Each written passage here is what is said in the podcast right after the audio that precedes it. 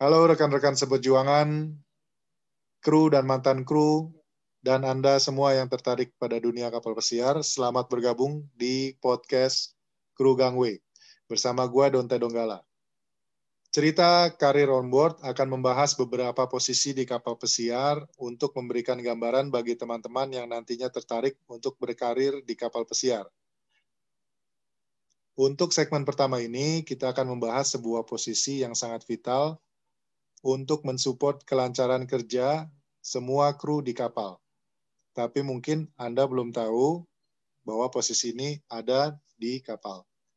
Oke, uh, untuk segmen pertama ini kita akan membahas posisi tailor atau penjahit.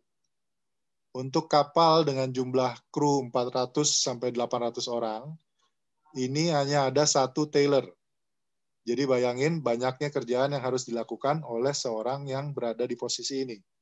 Nah, kita telah tersambung dengan Mbak Reni. Halo Mbak Reni. Halo. Eh, bisa ceritain sedikit, udah berapa lama jadi tailor? Terus karir di kapal sendiri udah berapa tahun? Dan gimana pekerjaannya sejauh ini? Halo teman-teman, nama saya Reni Susanti. Saya kerja di kapal itu sejak tahun 2011, tepatnya tanggal 27 Maret. Jadi sudah hitunglah berapa tahun sampai sekarang. Terus kerjaan uh, saya itu sebagai tailor. Yang utama sebagai tailor yaitu memben apa namanya istilahnya potong celana, membenerin. Kalau di Indonesia itu namanya cuma permak. Per, oh, bukan okay. bukan istilahnya bukan membuat sesuatu dari awal, tapi ya. cuma membenarkan sesuatu yang kurang pas atau kurang tepat. Seperti itu ya. Karena masalahnya di kapal, ya karena masalahnya di kapal itu kan semua celana itu tidak langsung jadi bawahnya dikelem hmm. atau dihem. Hmm. Tetapi masih apa namanya kayak dilurusin cuman diobras doang bawahnya. Jadi setiap orang yang datang harus itu pasti harus diukur disesuaikan dengan ukuran masing-masing. Oke. Okay. Yang pendek ya dipendekin, yang panjang dipanjangin. Oke. Okay. Gimana Mbak sejauh ini? Selain kerja di kapal hmm. suka nggak? Kalau dibilang nggak suka kan ya nggak mungkin orang udah mungkin sampai ya. Iya, udah sampai hampir 10 tahun kan. Okay. Cuman gara-gara corona aja di, di rumah itu hampir satu hmm, tahun hmm, istilahnya. Hmm, hmm, hmm. Oke. Okay. Terus waktu ngelamar pertama kali itu memang hmm. sudah dapat job sebagai tailor atau melamarnya itu Eh, Kalau di Oceania itu saya langsung dapat panggilan sebagai tailor karena waktu itu katanya posisi kosong sebagai tailor. Oh. Tapi dulunya saya masuk itu pertama kali masuknya cuman kayak sebagai utility hotel waktu itu. Oh gitu. Cuman karena mereka itu tahu saya itu punya basic sebagai tailor kan lulusan saya dari SMKK, terutama oh. jurusan tata busana. Oh. Makanya begitu ada apa Apollo minta Taylor waktu itu langsung saya dipanggil untuk melakukan okay. waktu dulu itu pakai apa namanya Skype ya? Interview. Ah langsung interview lewat Skype. Saya ditanya-tanya waktu itu kamu bisa mesin apa aja? Apa aja yang bisa kamu kuasai? Ya udahlah saya jawab saya bisa mesin mesin buat lubang kancing mesin obras. Okay. tapi kalau bordir saya memang nggak bisa karena bordir kan istilahnya teknik khusus itu. Oke. Okay. jadi jadi naiknya sebagai hotel utility. Terus pada kon Enggak. Enggak, bukan. Saya daftarnya di agent sebagai utility hotel. Oh, oke, okay, oke. Okay. okay. waktu itu saya naik pertama kali langsung menjadi tailor. Saya, soalnya kan dulu saya juga pernah apa namanya training di hotel juga sebagai itu tukang bersih-bersih kabin. Oh. Kabin ya. kabin steward dong. Ya wes. Ya istilah. Uh, istilahnya seperti itu. Cuman kalau di Indonesia kan sendiri. Ya. Kayak ya. yang single lah istilahnya. Oke. Okay. Okay. Um, jadi waktu kemarin itu di di requirement-nya Mbak harus bisa apa aja biar bisa jadi jadi tailor. Coba diulang lagi tadi. Ada sedikit ya. tentang pengetahuan Yang mesin. penting ya bisa, bisa hmm. jahit sama bisa bahasa Inggris itu aja yang penting kan. Hmm. Hmm soal jahit ya yang penting pahamlah menggunakan mesin. Hmm. Terutama ya mesin jahit yang diutamain. Kalau hmm. bisa ya mesin obras. Tapi biasanya kalau sudah bisa mesin jahit kan bisa mesin obras. Hmm. Itu aja. Nggak tahu sih Mbak. Makanya saya nanya. Paling sih benerin kancing. Soalnya kerjanya kan cuma kadang itu motong celana, benerin kancing, hmm, hmm. repair-repair kayak apa namanya mungkin baju kebesaran sedikit dikecilin, jas kebesaran dikecilin, terus Tapi langsung untuk, pasang pasang untuk, bar buat officer. Membuat baju sendiri enggak ya? Baju Membuat baju sendiri sih di kapal sih enggak. Hmm. Padahal di rumah ya kerjaan saya buat baju sendiri. Hmm. Iya maksudnya maksudnya untuk seragam misalnya kapalnya hmm. modal bahan terus bikin sendiri enggak ya? Semua baju yang datang tinggal itu. Iya. Tinggal Semua di baju yang kecilin atau dibesarin, dipasin dipasin ke badan kru aja ya. Iya, cuman uh, kadang kan di situ ada seseorang yang punya apa namanya? punya posisi mungkin waiter, sedangkan baju yang datang itu kan istilahnya kalau waiter di Oceania kan harus ada kayak setengah lengan itu dikasih strap hitam. Uh, nah, sedangkan baju yang datang itu kan nggak ada strapnya jaket nih, putih. jaket nih, maksudnya jaket kali. Nah, jaket atau uh, jas putih itu. Uh, nah, maka kita harus pasang itu di lengan itu strap hitam. Oke. Okay. Kayak baju officer yang itu night uniform atau uniform untuk malam. Itu kan juga setiap ya? officer kan punya posisi sendiri-sendiri nanti dikasih bar. Okay. Itu menurut itunya lah. Menurut uh, ya list list yang list yang ada. Menurut list yang ada itulah di sana mau pakai satu, pakai dua, pakai tiga kan tergantung posisi uh, mereka juga. Uh, terus Mbak, pekerjaan di kapalnya itu menurut job description-nya apa aja? Terus Mbak berada di departemen siap di mana sama kerjanya bareng siapa itu? Hmm. Kalau saya departemennya adalah housekeeping, ah. under chief housekeeper istilahnya. Masuknya di housekeeping. Kalau kerjanya saya bareng orang-orang laundry di bawah posisinya. Okay. Soalnya posisi Taylor itu biasanya dekat sama linen room. Aha.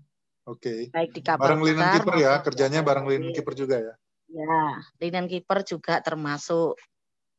Yang utama ya linen keeper lah satu departemen. Kalau sama laundry beda departemen, cuman satu tempat istilahnya. Satu tempat kerja. Terus ya. masuk jam berapa Mbak? Sehari kerja berapa jam? Kerjanya itu kalau jadwal di kapal Oceania itu biasanya kita berangkat jam 7 pagi. Uh. Nanti check out jam 12.30. Tapi di tengah-tengah itu kita punya istirahat selama 30 menit untuk makan siang. Oke. Okay. Lepas itu dari 12.30 sampai 3.30 itu kita istirahat. Uh terus masuk lagi 3.30 sampai 8.30. Nah, ah. Di tengah-tengah itu kita juga dapat break setengah break. jam untuk makan malam. Break dinner. Iya, itu ya? untuk hari-hari biasa atau regular day. Hmm. Cuman kalau malam embarkasi, biasanya Taylor itu harus masuk lagi jam 10 sampai selesai untuk lakit. Untuk bantu uh, ngurusin bantu bantu anak housekeeping yang ngeluarin atau menata koper-koper tamu istilahnya. Barang-barang tamu ya. Lu iya. lu jangan lu jangan ngomong berangkat dong Mbak, kesannya lu ke ke tempat kerja naik bus atau naik apa gitu. Menata koper-koper tamu. Nah, enggak. Kok gimana? Lu ngomongnya ngomongnya saya berangkat kerja jam 7. Kesannya kayak lu naik naik bus atau naik apa gitu loh ke tempat kerja. Orang oh gitu. Jalan kaki Jadinya ya. saya mulai kerja jam nah, 7 gitu ya. Gitu kan. Ya maaf saya koreksi teman-teman.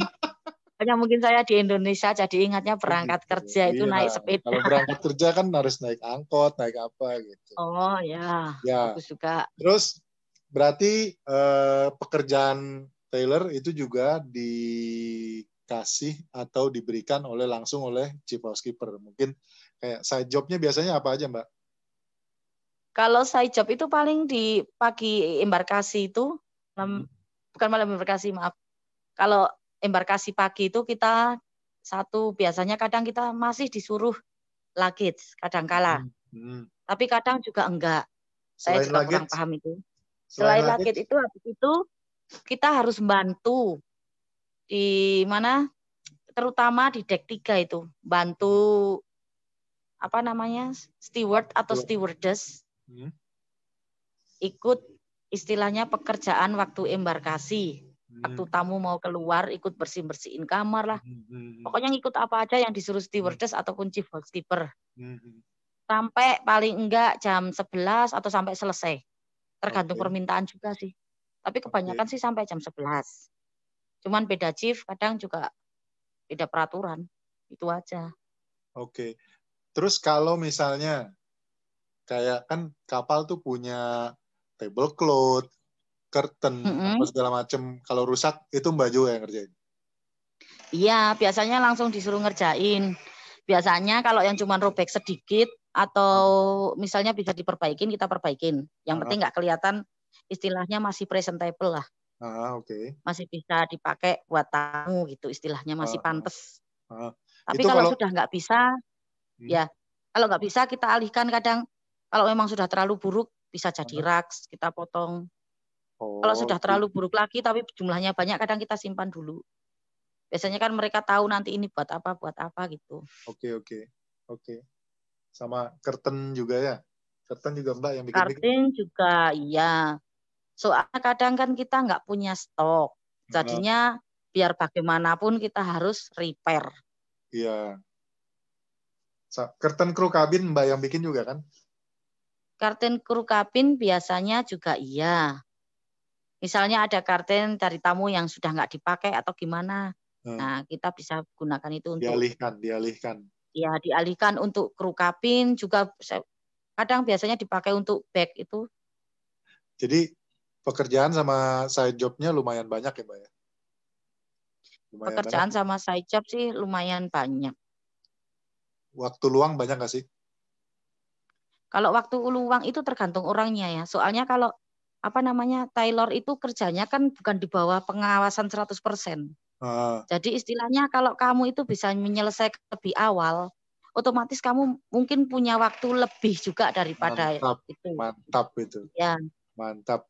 Terus kau kayaknya eh, ikut Taylor ikut-ikut bagi-bagi seragam juga Mbak?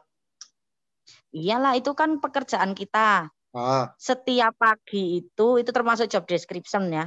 Iya. Setiap pagi kita mulai jam 7 sampai jam 8 itu tugas kita adalah ngasih uniform sama anak-anak cook sama utility galley. Oke. Cook Terus kali. nanti ya nanti kita datang lagi jam 3.30 itu jam 4 sampai jam 5 itu juga jadwalnya juga ngasih uniform Hmm. buat cook sama anak-anak gali. Oke. Lepas itu biasanya kalau saya setelah apa namanya? Setelah makan itu kadang dulu kalau dulu itu arrange uniform setelah makan. Tapi Hmm. kalau sekarang arrange uniform itu kan harus dilakukan pagi. Soalnya kadang sore diambil lagi. Itu juga tergantung tergantung kita di kapal mana. Hmm. Masalahnya kadang satu kapal sama kapal lain itu beda Hmm. caranya pemberian uniform. Hmm. Kadang ada yang mereka taruh pagi nanti sore mau diambil, jadinya kita harus arrange istilahnya. Itu tergantung chief housekeeper Tapi- apa tergantung laundry? Iya. Saya kurang tahu, cuman saya berkali-kali seperti itu. Oh, iya. Kayaknya yang buat ini juga chief housekeeper mungkin sama master laundry-nya yang buat jadwalnya. Oh iya. iya, Jadinya kadang kok kok bisa sih pagi, biasanya kan sore. Kalau taruh pagi ini kan bisa ambilnya kan cuma besok pagi. iya. Oke oke. Saya Tapi bilang gitu kan. Tapi kan beda-beda, pasti, makanya saya juga Kerjaannya pasti ya. Mm-mm. Waktunya ya makanya pasti, saya kan kerjaan. gini aja. Yang penting, mm-mm. yang penting saya ngikut aja kerjaan mereka lah. Yang penting Siap. saya itu paling enggak tiga jam atau tiga jam setengah itu untuk urusan seragam. Itu apa namanya? Mulai dari ngeluarin buat anak-anak cook sama Ya. apa namanya? cook galei sama utility galenya Iya iya. dua jam kan, jam 7 Hmm. sampai 8, jam 4 sampai 5. Terus itu kita satu setengah jam atau satu jam kan tergantung banyaknya uniform juga. Kita masang-masangin antara celana sama anunya, atasannya istilahnya, Oke, Oke. baju seragam. atasannya. Dulu waktu saya linen kiper itu Mbak, itu kerjaan saya Mbak. Iya memang Dulu. dulu itu seperti itu. Kan Jadi- kalau kita sering bantu kadang itu jadi pekerjaan tetap Bang Doni. Itulah jadi Kita itulah paham sendiri. itulah itulah di kapal. Kalau lo bisa lama-lama Itulah lu di jadi kapal.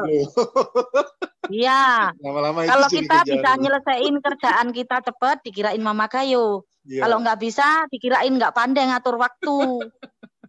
Itu susahnya. Orang kadang Iya, nggak betul. paham di situ. Iya iya betul betul. Saya tahu maksudnya. Apalagi ini, Bang Doni sendiri kadang yang ngasih aku kerjaan saya job, padahal bukan kerjaan saya loh. jangan Dah gitu ngaku. ah. Jangan gitu ah. Oke, kan Untuk di-share- inget-ingetin. ya untuk Mm-mm. di-share ke orang-orang yang mungkin ada banyak orang-orang yang bisa bisa skill tailor tapi belum belum join Mm-mm. belum belum Ke join kapal, gitu. kapal ya mungkin bisa dikasih tahu Mbak kira-kira range range salary untuk kapal yang sekarang Mbak ini di di perusahaan Mbak Ya. eh, dari mulai berapa? Kalau kalau saya dulu saya pertama gaji itu 700 dolar. Habis itu kan naik. ya Naiknya itu nggak mesti tiap kontrak, nggak mesti tiap tahun, tapi kadang tergantung chief housekeeper-nya juga karena Aha. mungkin dia lihat kerja kita atau gimana saya juga kurang tahu waktu itu kan. Saya sih terima aja. Terus habis itu naik naik naik sampai maksimum limit jadi tailor itu gaji cuma 1.200.